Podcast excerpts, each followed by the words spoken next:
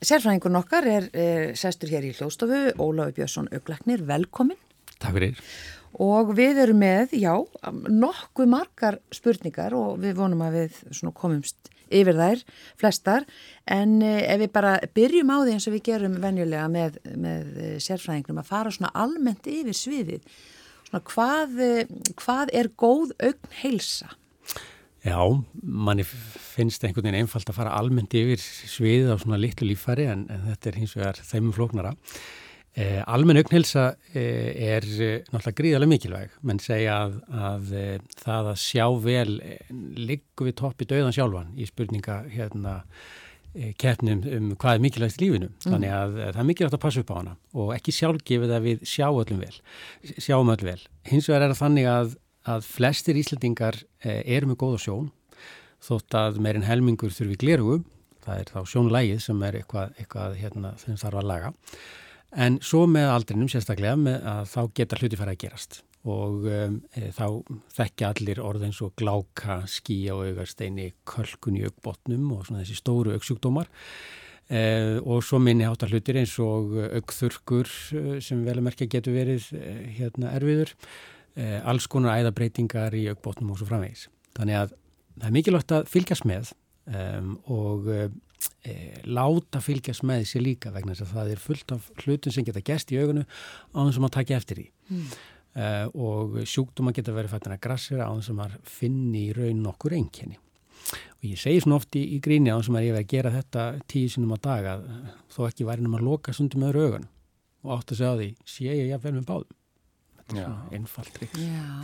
Þetta, þetta hef ég til dæmis aldrei bara hugsað um. Nei, og aldrei gert, kannski. Nei. Nei. Já, vegna að segja, sko, ég hef lendið því að fá tímin einstakling sem að eh, kemur og segir, heyrðu, ég bara vaknaði í, í morgun og ég er bara blindur á rauninu, sé ekki neitt.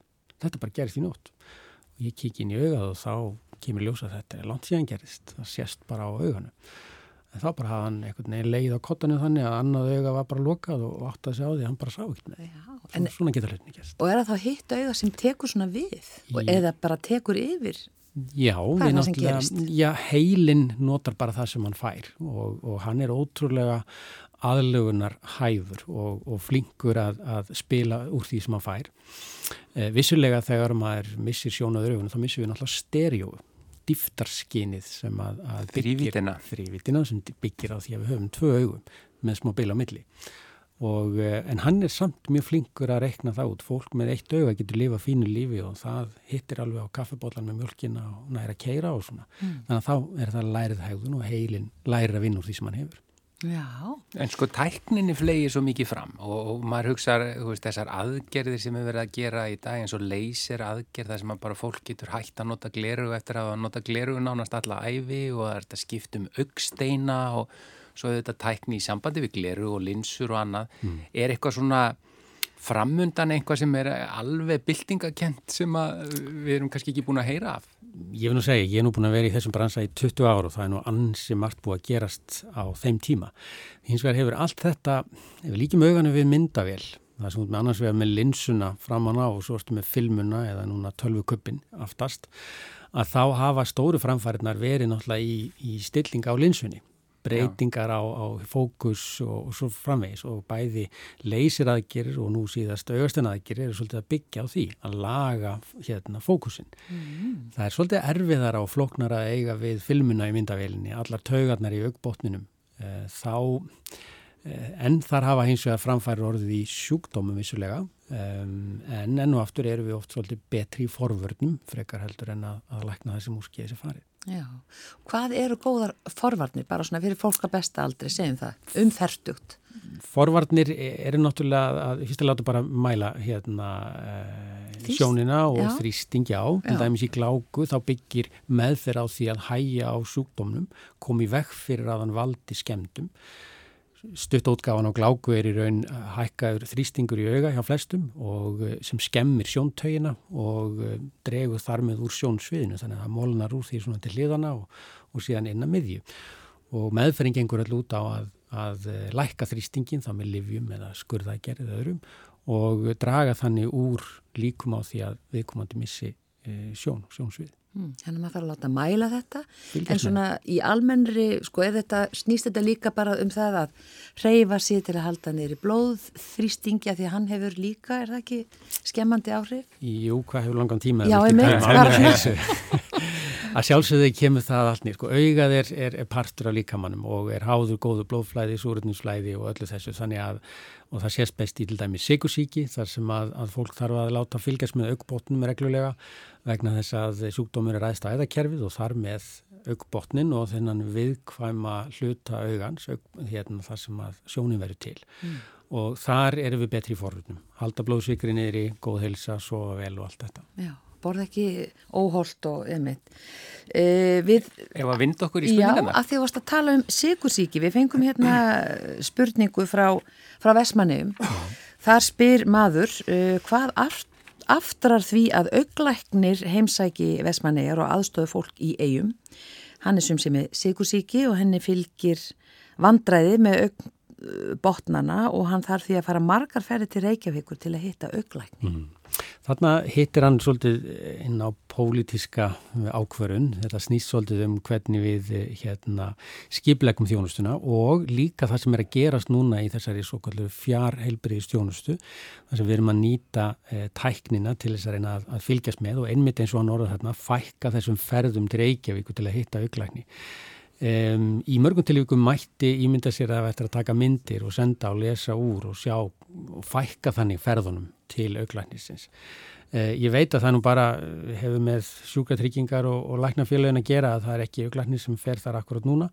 Uh, ég veit hins vegar að það er vinna í gangi með að bæta úr þessari þjónustu í Vestmanneum og vonandi víður um land en uh, það kýmur í ljós. Já, en þannig að þessi fjarskoðun eða þetta, þessi fjarskipti, samskipti mm. Mm þetta er, já kannski framtíðin ef allir leggjast á eitt eða ekkert kannski, er þetta ekki framtíðin? Jú, að vissum marki. Eh, samband læknis og sjúklings og samtalið sem maður á við fólk, hvort sem það er auglæknin eða heilsugjæslulæknin eða aðrir var hann til dæmis með sikursíki skiptir máli. Þannig að þú kemur aldrei í staðin fyrir þennan kontakt á milli fólks og COVID og annað má ekki stöðu okkur í að við þurfum að hittast og tala saman og setna með knúsast og allt það. En eh, hins vegar þá bjóða vissa sérgrinnar eh, og ansi margar upp á það að, að, að mæla á hvern enginni eða, eða taka myndir eða hvað er og fá úrlestur til þess að aðstóða okkur við eftirlitið mm. og kannski fækka heimsóknum og ferðalögum. Já, að því stundum þarf bara smá samtal, kannski er þetta, já, tvær spurningar sem, sem viðkomandi vil koma til síns læknis. Nákvæmlega. Þannig að það er kannski spurningum að gera þetta auðveldara. Nákvæmlega. En svona sjónmæling og annað getur kannski íllafarið eh, fram yfir netið? Já, það er erfitt og Já. en sko, auglæknisfæði er náttúrulega ofsalega sjónrænt fag, við tökum mikið myndum og sneiðmyndum og mikla rannsóknir og það er þetta að lesa úr þessu öllu. Já. En maður má ekki gleyma að þetta er einstaklingur á, á baku þessu augu sem við erum að skoða og, og það þarf samtal alltaf Já. inn á milli. Sko. En þetta getur hjálpa okkur svona í eftirfylgninni að ok, ég hitti þið einu svona ári og einu svona ári tökum við mynd og svo framins. Mm. Þannig má hjálpa okkur. Tökum eina spurningu áðunum förum í eitt lag svona uh, til að brjóta þetta upp. Uh, hér kemur spurning. Ég er 59 ára kona, er með röskun í ónæmiskerfi og fæ orðið mótefni við því reglulega innan svega skrifur hún CLL sem er vantilega á mótefnið. Fyrir tveimur árum fór ég að fá táralega sem er vestur í vindi en líka inni nú orðið. Sumir dagar eru mjög slæmir, aðrir eru skári, því er það og hún tekur fram að hún er ekki með stíplur í táragöngum nýja síkingu. Ég held að þetta er að vinda strax í spurningu tvö og svo svara ég. Já, það er tengt. Já, tengist aldrei. Sko. Já, uh, ég hef reynd að hýta auksvæðið og nutta létt, já, þetta er, einmitt, uh, þetta er frá sömu konu, sko. Já, þetta er frá sömu konu, já, ég skil. Já, uh, ég hef reynd að mm. hýta auksvæðið og nutta létt í þeirri viðleitni að fá fytu í að fá fytuna í fytukirtlunum til að mýkjast og smyrja tárafilmuna. Mm. Engin endist í það daglega og ég veit heldur ekki hvort það hafði áhrif. Þetta hamla mér auðvitað verulega í gönguferðum. Eh, er þetta augþurkur og hvað get ég mögulega gert í þessu? Gætið að hjálpa að nota einhver, einhver sérgerð, einhver sérgerð gleru og jafnvel skíðagleru í gönguferðum? Mm. Sko, það sem að eh, hérum ræðir er í sjálfu sér augþurkur og eh, fólk sem að er... Um, ónæmisbælt er á ákveðnum livjum, fólk sem er með liðagikt og einmitt annað að það er, er gænt á að fá þurraugum og þurraugum eru annars vegar skortur og framlegsla vatni úr tárakirlinum eða e, léleg fytuframlegsla úr fytukirlunum sem liggja allir í auglókonum. Þetta hangir svolítið saman og e, þetta er mjög algjönd á Íslandi. Hérna búum við við kallt þurft loft, ég segja að við búum hér á að veraldar þannig að, að hér er margir að kvarta yfir þessu, sérstaklega sem sitja inn í tölvuskjá og stara mikið. E, meðferðin er fólkin eins og hún kemur aðeins inn á. Í fyrsta lagi ef þetta eru fytukirklanir sem að flest okkar þurfum aðeins að sinna þá er hiti í tíu mínútur með svona gelpúða sem að setur í örbylgjuna og síðan þrif á kvörmunum mjög góð ásand því að setja síðan í sig gerfitár uh, og uh, gerfitáranótkun er, er, er stundum svolítið lítinn hotnöga vegna þess að þá ámaður að, uh, víst, að draga úr eigin framleyslu en það er hins vegar þjóðsaga sem er ekki rétt þetta kemur alltaf sem viðbútt og fólk getur óhætt notað gerfitar mikið. Vissulega er það kvimleitt eins og hún bendir þarna á að það sé sífælt að renna úr augunum. Nú hún er ekki með stiplur í táragöngum, segir hún. Ein af meðferðunum hjá þeim sem að vantar hennilega vatn í augun er að setja, er einmitt að stipla táragöngin, setja svona sílikontappa í niðurfallið til þess að halda meiri vökva í augunum. Um, þannig að, en, en þá getur svolítið runnið út fyrir Eitt af því sem að fólku upplifir mjög mikið í vindi er að þá einmitt renna eh, augun og það, þar sem það gerist mikið og þá er það einmitt merkjum þurrk og þá oftast það vantar fytuna. Það vantar fytuna í tárafilmina sem að gera hann svona oljukenda þannig að hún þólir vindin. Ef að hérna þetta er bara vatn þá gufa það rætt upp í vindinum, heilin hugsaður ok, hér vantar vatn e, því að hún er svo þau, mér er ílt í augunum, meiri vassframlegsla við fáum þennan vítaring. Þannig að þá er oft uh, lausnin að, að bæta úr fytukirtlunum með þessum, þessum hita og þótti. Já. Já, þetta er Já, merkilegt. Uh, hún heiti semst Hildur Marja sem bar fram þessa spurningu og það mátti koma fram nafnið. Þannig að hérna, eh, ok, við skulum halda áfram uh, eftir eitt lag og eins og við sögum frá upphafi þá er þema þáttarins í tónlistin í dag, það eru augu og þetta er Billie Holiday að syngja lagið Them Their Eyes.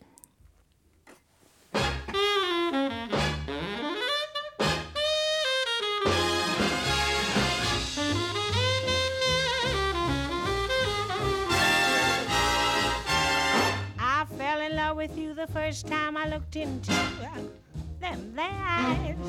And you have a certain little cute way of flirting with them their eyes. They make me feel so happy. They make me feel so blue. I'm falling, no stalling, in a great big way for you. My heart is jumping. You started something with them eyes. You'd better look out, little brown eyes, if you're wise. They sparkle, they bubble, they're gonna get you in a whole lot of trouble. Oh, baby, them they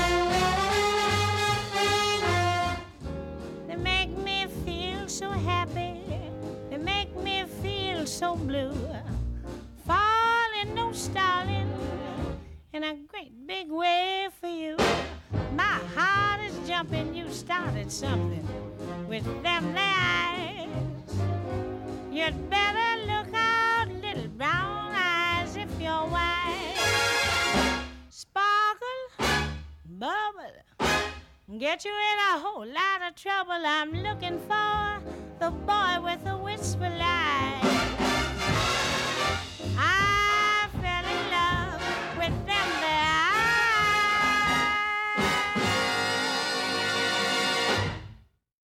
Já, þetta var Billie Holiday og Them Their Eyes og hér er auðvitað ennþá sérfræðingurinn okkar, Óláfi Björnsson, auglæknir að svara spurningum hlustenda. Já, og við ætlum aðeins bara rétt að nykja á þessu með augþurkin.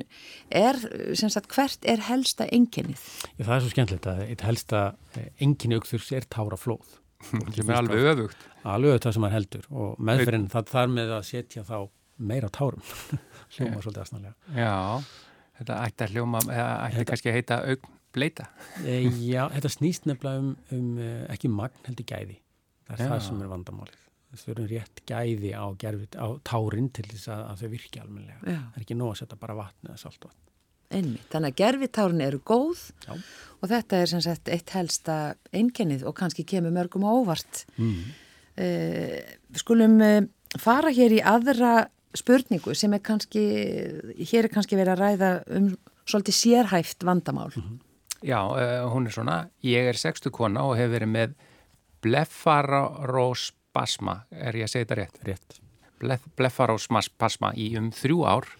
Ég fyrir reglulega í bótóksspröytur á augdeild landsbítalans og fæ yfirleitt fullan skamt. Samt sem áður er ég slæm af spasmanum, mjög ljósfælin og á meðal annars erfitt með að keira og horfa sjónvarp.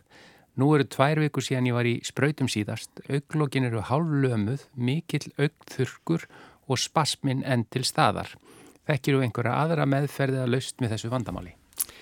Eh, Stutt ótgáðan eh, á þessu ennú svo sem nei, ég, ég þekki það ekki. Það er, það er einungis einn okkar auglarnar sem, sem að sinnir þessu einhverju marki. Þetta er frekar sérhæft, eh, þannig verið að nota botox-lifið sem að lamar vöðvana, bleforspasmi er í raunum veru þessi hérna, vöðvakippir sem koma ósjálfrátt í kringum augun, blefar og eru, eru auglókin og um, sem getur verið frika kvimleitt ef þetta er mikið og þannig verið að reyna aðeins að berja skegg því og þetta er ekkit einhver, einhver hérna, frábær meðferð, þetta er svona eina eitt af því fáa sem við höfum til að reyna að draga úr þessum spasma, veldur hins vegar stundum lömun uh, þá í þessum vöðum ákveðin tíma sem að síðan gengur yfir mm. og eftir þrjá mánuði þarf yfirleitt að endur taka þetta þannig að ja. Eh, ég hef þekki enga aðra meðferð, ég held að sé alveg í réttum höndum þannig að landsbytala með þetta.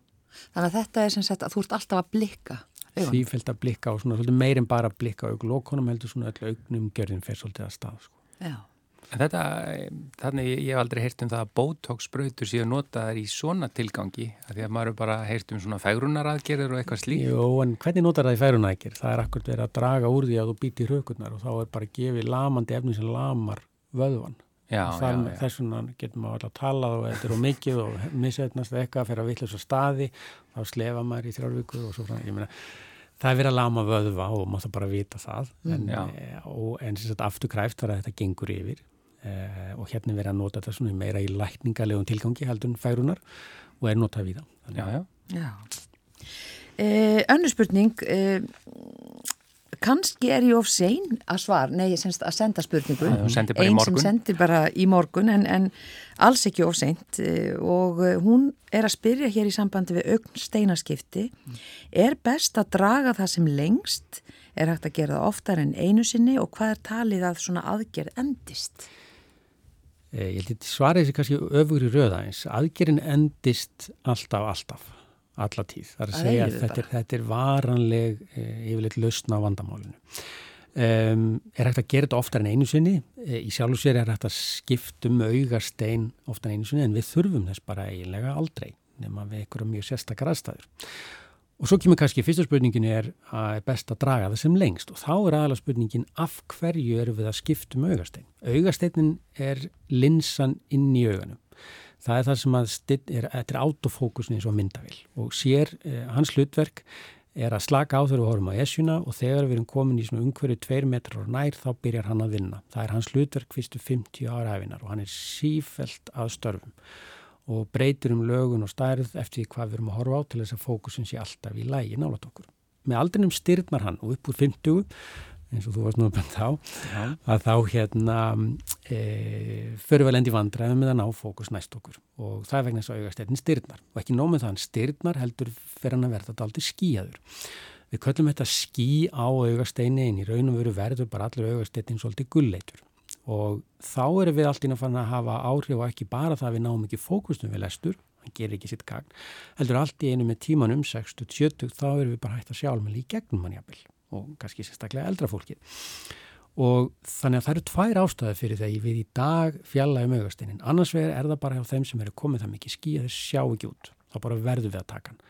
Og einhver staðar eh, ganga það mörg hvað maður er að draga það lengi. Í mínum huga ámar ekkert að draga það sérstaklega hérna mikið og það hefur breyst mikið á síðan 10-15 árum hittatrið síðan að við erum farin að fjalla í augasteina úr fólki alveg niður undir 50, svona 55 ára um, svona vinsæl tala e, þá í allt öðrum tilgangi. Þá er það einmitt til þess að, að e, breyta sjónlæginu líkt og leysir að ekki gerir og það sem við getum gert þá er að við getum losa fólk við annars vegar að, að ganga með gleru og hins vegar að lesa með gleru.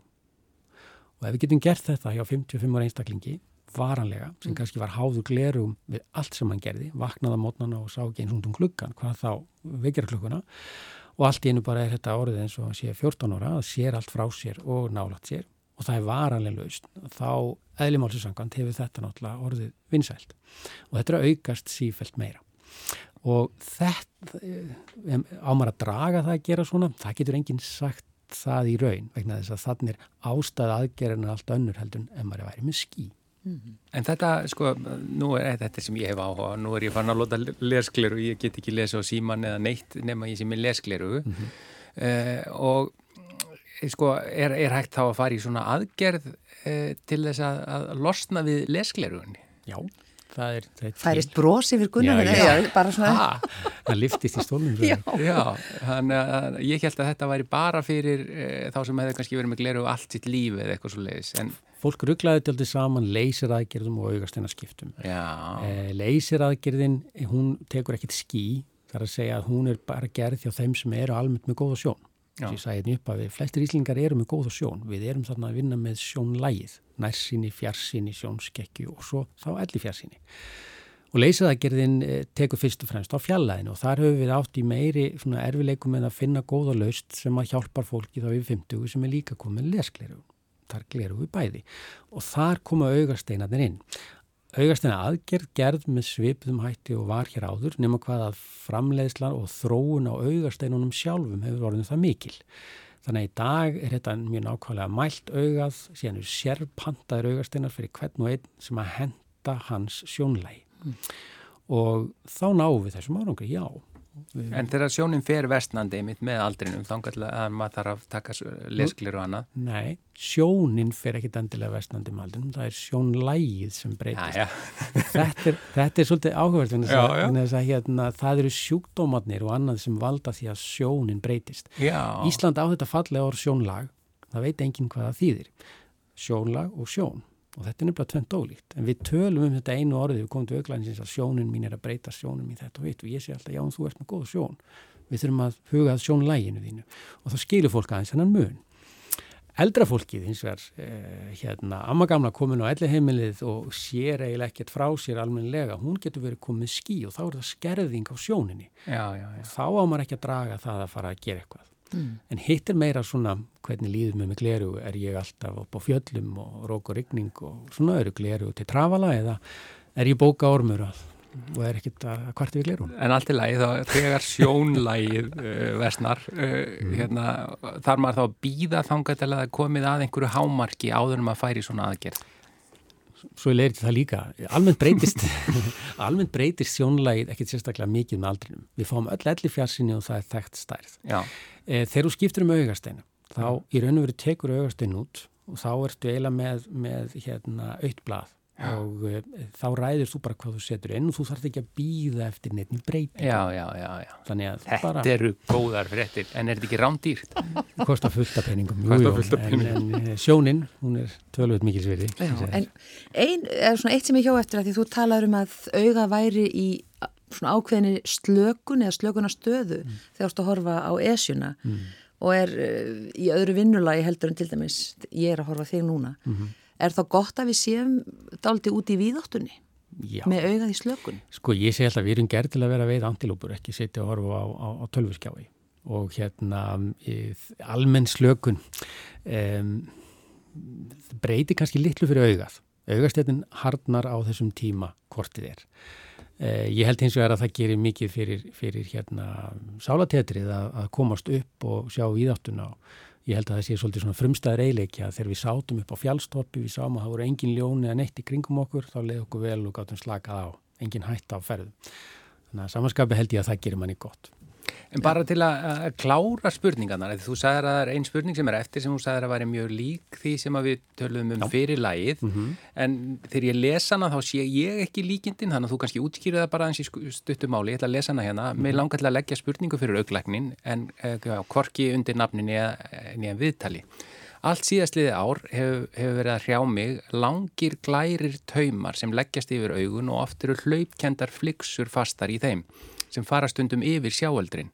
Þetta veldur ekki sársöka en stundum smá kláða, sviða og óþægendum. Mjög kvimleitt ástand, auglækni sem ég leitaði til, sagði mér að vera bara ekkert að hugsa um þetta og alls ekki að draga þetta út úr augunum því þá myndir þetta bara vestna.